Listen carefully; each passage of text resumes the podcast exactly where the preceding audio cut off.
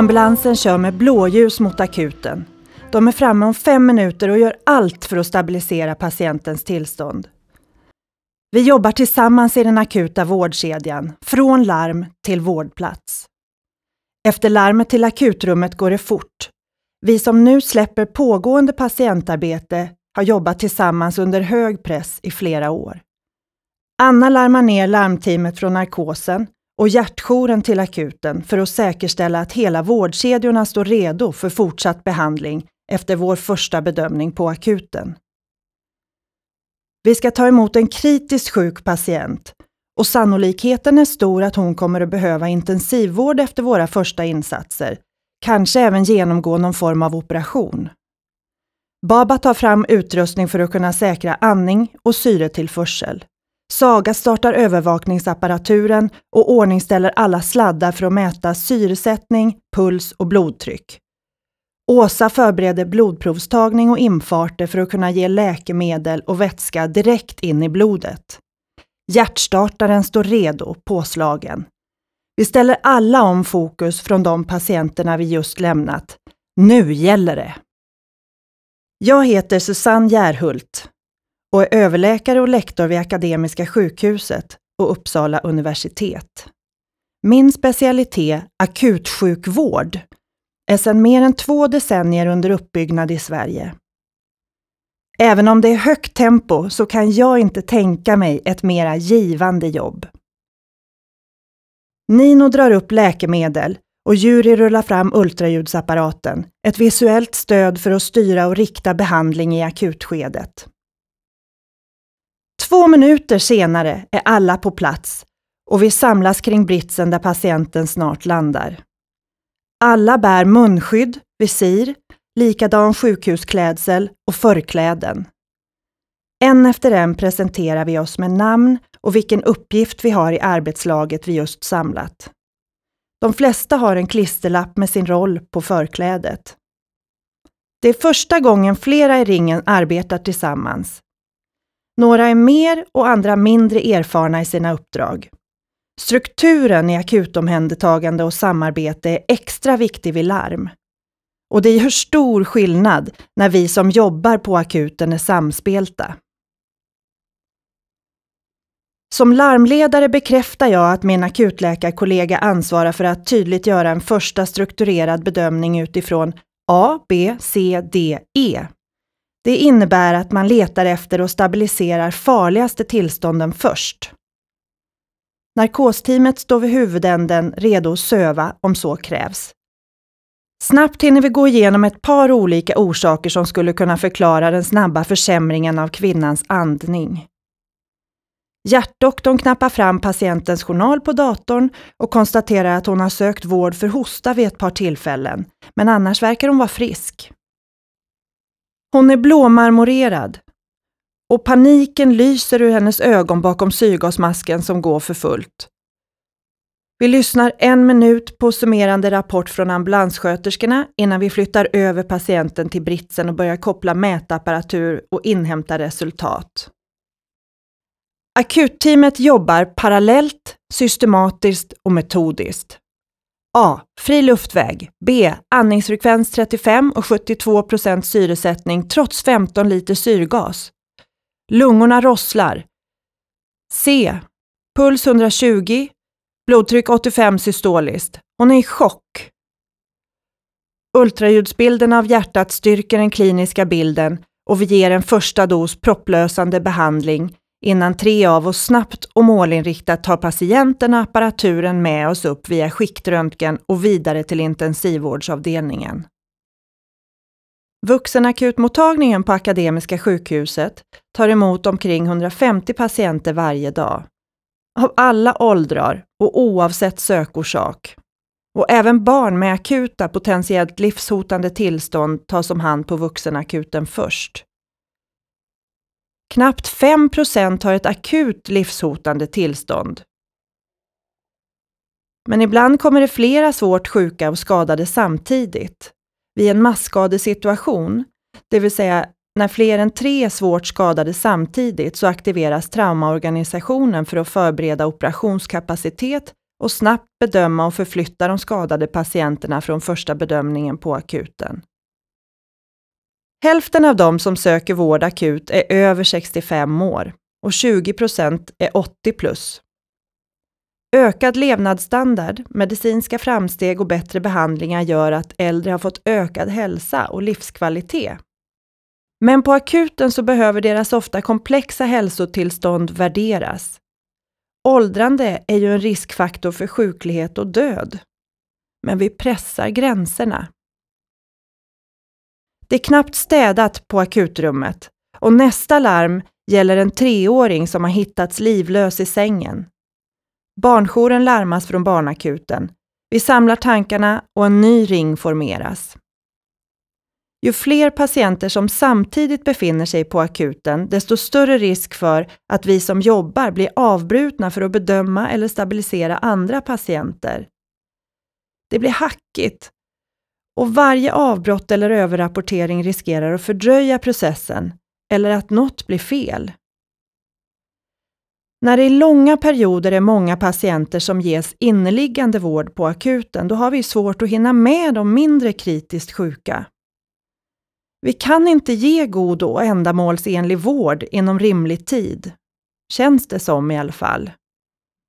Och det är svårt att inte älta det som man inte har hunnit med på passet. Det är så värdefullt när vi hinner återsamlas efter ett pass eller i den akuta vårdkedjan efter larm. En äldre man ligger på övervakningsbrits 5, invävd i sladdar och kopplad till en monitor som ständigt plingar. Han kom i förrgår kväll. Det tog tid innan en förbipasserande såg mannen där han låg, oklar, näsblodet, såret på huvudet och ambulans larmades. Vid ankomst till akuten var han blöt och förvirrad. Inga tecken till hjärnblödning sågs på skiktröntgen och bröstkorgsbilden var utan tecken till skelettskada, men en markör för syrebrist i hjärtmuskeln är lätt förhöjd i blodproverna.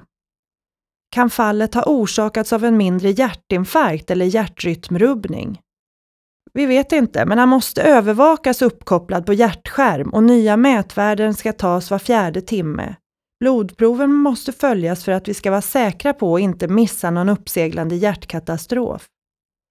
Hans tillstånd har bedömts stabilt, men han är ostadig och förvirrad och kan inte klara sig hemma själv tryggt. Under den torra, oknäppta patientskjortan syns urinpåsen från katetern han fått för att han inte ska behöva gå upp och kissa. Men ändå försöker han ta sig upp ur sängen. Han börjar bli hungrig. Risken är stor att han ramlar. Under sitt dryga dygn på akuten så har han träffat fyra vårdlag, fem läkare, två läkarstudenter. Några har avvikit mitt under samtal när det larmat. Han har fått en smörgås och en kopp nyponsoppa och en liter vätska i blodet. Tack vare våra volontärer från Röda Korset får han nu i sig lite värmd frysmat i alla fall. De sex övervakningsbritsarna bredvid honom är belagda med personer i ungefär samma ålder. Könsfördelningen är ganska jämn. De allra flesta har kommit via remiss eller hänvisning från äldreboende eller annan vårdgivare. Ungefär hälften av de patienterna över 65 år behöver stabiliserande behandling på sjukhus, till exempel vätska, antibiotika eller vätskedrivande medicin ett dygn eller två innan de kan återgå hem eller till ett annat boende. Klinikapotekarna är oumbärliga vid läkemedelsgenomgång och medicinutdelning. Äldre utan avgränsade sjukdomstillstånd är ofta de som blir kvar på akuten när bemannade avdelningsplatser saknas. De flesta är omvårdnadsbehövande och riskerar sjukdomsprogress eller fall till följd av att omvårdnaden inte hinns med. Forskning visar att längre vistelsetid på akuten ger förlängt behov av inneliggande vård. Begreppet the golden hour kan sägas symbolisera vikten av att göra en sammanfattande bedömning och plan för patienten under första timmen efter ankomst till akuten. Vi prioriterar alltid efter medicinsk allvarlighetsgrad och det gäller att fokusera på att få med sig den viktigaste informationen vid första bedömningen. Patienters sjukhistoria kompliceras ju ibland av förvirring, demens, språksvårigheter eller kulturella faktorer. Saknas erfarenhet och struktur kan det bli mycket tidskrävande. Även om det är en ynnest att på kort tid få inblick i livsöden och förtroenden ifrån årsrika och livserfarna. Det sorgligaste på vårt jobb är att se de olika yttringarna av utanförskap, ensamhet, destruktivitet och ungas psykiska ohälsa. Men än mer glädjande när livet återvänder och vi får vara med och skapa solskenshistoria. Vilka är vi då som valt att jobba långsiktigt inom akutsjukvården? Hela sjukvårdssystemets buffert. Åtta läkare och minst 20 sjuksköterskor är specialister i akutsjukvård och intensivvård och fler utbildas. Det behövs. Många jourläkare förstås. Men här arbetar också kommunsamordnare, klinikapotekare, kurator, sekreterare, materialansvariga, schemaläggare, städ och hygienarbetare, vårdbiträden, receptionister och vårdplatskoordinatorer. Undersköterskorna, det är den starka grupp som genom åren varit mest stabil och närmast patienten. Även som anhörigstöd i de svåraste stunder. Och utan våra erfarna, lojala, tuffa och professionella akutsjuksköterskor fallerar akutsjukvården. Ni är helt ovärderliga. Det ska alla veta. Vår arbetsplats har Akademiska sjukhusets största och kanske mest heterogena grupp medarbetare. Jag känner en fantastisk sammanhållning och vi har stor nytta av vårt rika spektrum av bakgrunder, kompetenser, språk, kulturer och perspektiv. Många har tidigare erfarenhet ifrån helt andra branscher och arbetsplatser. Det är en styrka, men även en utmaning i att säkerställa kompetens och kontinuitet. Vår stora akutfamilj består av starka, handlingskraftiga, kunniga, lösningsinriktade, stresståliga, kloka och stöttande lagspelare. Roliga, festliga, empatiska, och vänliga för det mesta. Men visst, det händer att tröttheten skiner igenom. Många har tvingats att välja bort jobbet för sin egen hälsa. Flera har erfarenhet av att vara patient eller anhörig under mera eller mindre dramatiska omständigheter. Som livet händer. Även vi har förstås behov av återhämtning och vila, träning och ett privatliv för att orka i längden.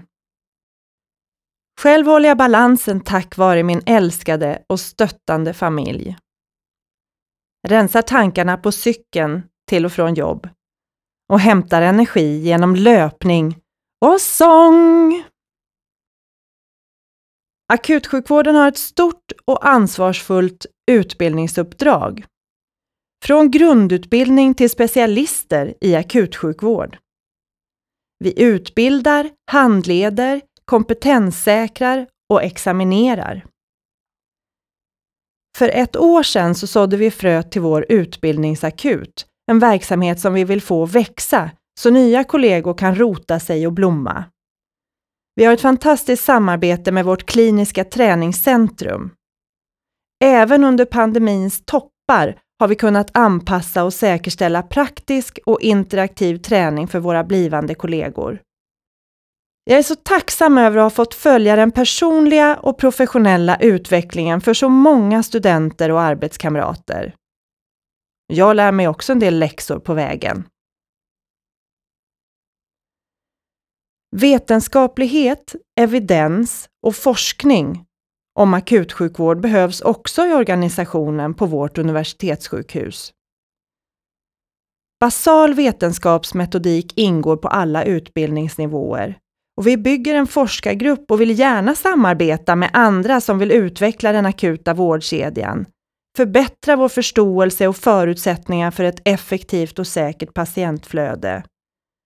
Vi behöver utnyttja våra resurser på rätt nivå, det vill säga ge en god och ändamålsenlig vård. Tidigt i pandemin så var det över hela världen akutvården som först la märke till mönster i insjuknande och symptombild för det nya viruset. De här iakttagelserna kunde sedan andra specialister fånga i studier som sedan gav kunskap för att utveckla vården av covid-sjuka. De flesta covidpatienter som har lagts in på sjukhusets avdelningar eller intensivvård har ju faktiskt kommit in genom akuten. Vi har sett symptom på de flesta varianter av misstänkta långtidseffekter och biverkningar av vaccinationer och har dagligen covid-positiva patienter. It ain't over yet, så se till att vaccinera er. För kunskap och inspiration så arbetar vi regionalt, nationellt och internationellt. Globalt så finns enorma utmaningar men även stor potential att förbättra liv och hälsa genom samarbete för akutsjukvård, kris och katastrofberedskap. Flera internationella utbyten och läroplaceringar har genomförts och vi har också haft internationella experter på besök och föreläsningar. Efter mina två årslånga vistelser vid akutmottagningar på anrika Mass General i Boston och The Royal Melbourne i Australien så har jag sett att vi har olika utmaningar men även gemensamma möjligheter till lösningar och vidareutveckling av vården för att öka säkerhet och tillgänglighet av akutvård. Det är befriande och inspirerande och utvecklande att träffa kollegor som har verkat länge i akutsjukvård. Det ger ödmjukhet. Det är inget lätt uppdrag att leda en stor akutmottagning. Respekt. Bara en fråga kan lösa tankeknutar.